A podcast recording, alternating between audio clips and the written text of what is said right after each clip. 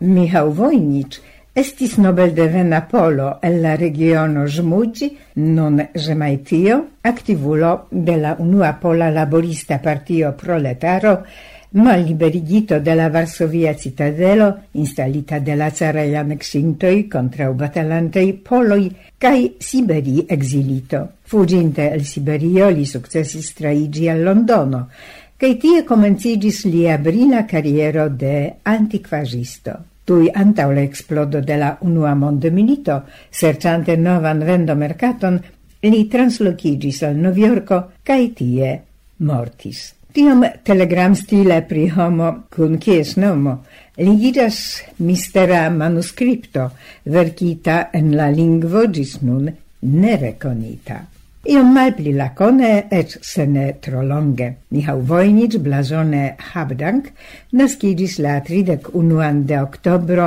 1860 quin en Telše, en la familio de stata consilisto. La gimnazian lernadon li trapasis en Suvauki, cae diplomon de farmaciisto li aciris en la Moskva Universitato.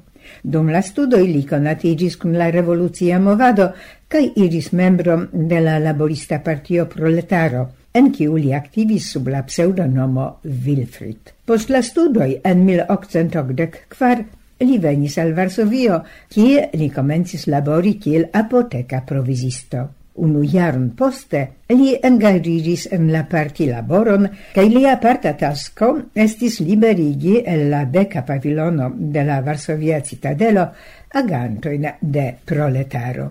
Tio ne sukcesis. La arestitoj estis de rusoj pendumitaj. Vojnovic kun aliei kun laborantoj estis kondamnita je dek ok monata mallibereco en la sama deka pavilono. Post tiu periodo Li estis exilita al Siberio, kie en la loco Tunka li conatigis cae amicigis con Józef Piłsudski, zorgante poste pri secretei documentoi de la Pola Socialista Partio.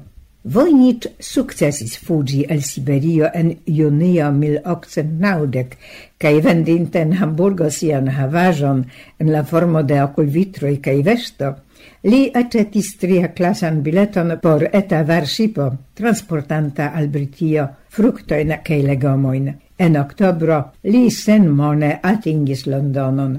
Provizita per kontakto adreso ricevita en Irkutsko, Post kelkaj aventuroj li atingis la loĝejon de Siergiej Krawczyński, pseudonome Stepniak. Tie li renkontis blondulinon, kiun surprize por ili ambaŭ li jam vidis en Varsovio tra la mallibereja fenestreto dum siaj promenoj laŭ la vistulbordo apud citadelo. Temis pri Ethel Lilian Ball, la filino de conata brita matematicisto George Ball, al kiu li edziĝis en 1893.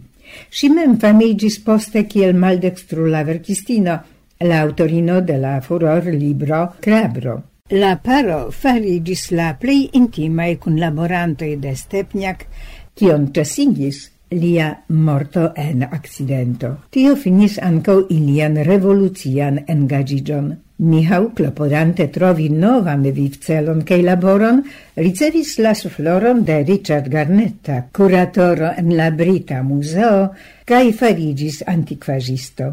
En la establita antiquageio, ce Soho Square li estis eldonanta luksajn katalogojn kaj unuavice ofertis al siei clientoi centoin da nepritakseble valore incunabloi cae rarei manuscriptoi.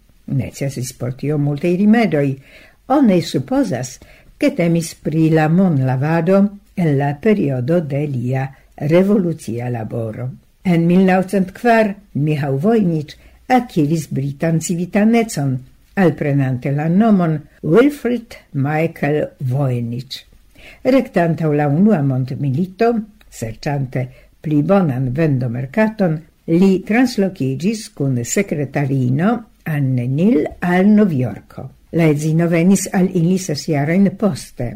Wojnicz en 1904 malfermis en Novjorko sian duan antikvaĵejon kaj en 1907 transportis tien sian londonan vendejon instalante gin ce gli strato. Li mortis pro stomac cancero la decnavan de marto 1930. La edzino transvivis lin je tridec jaroi, cae sian tutan havajon si lasis al Annel, con ciu si vivis la tutan tempon en la sama domo.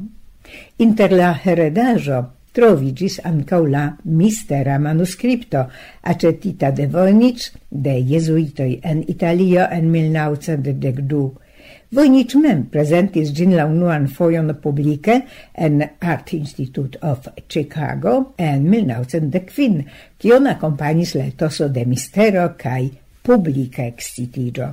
Sendube Vojnič capablis vendi libroin, sed unuavice maestra maniere li capablis provisi ilin per legendoi, kiui altigadis ilian valoron.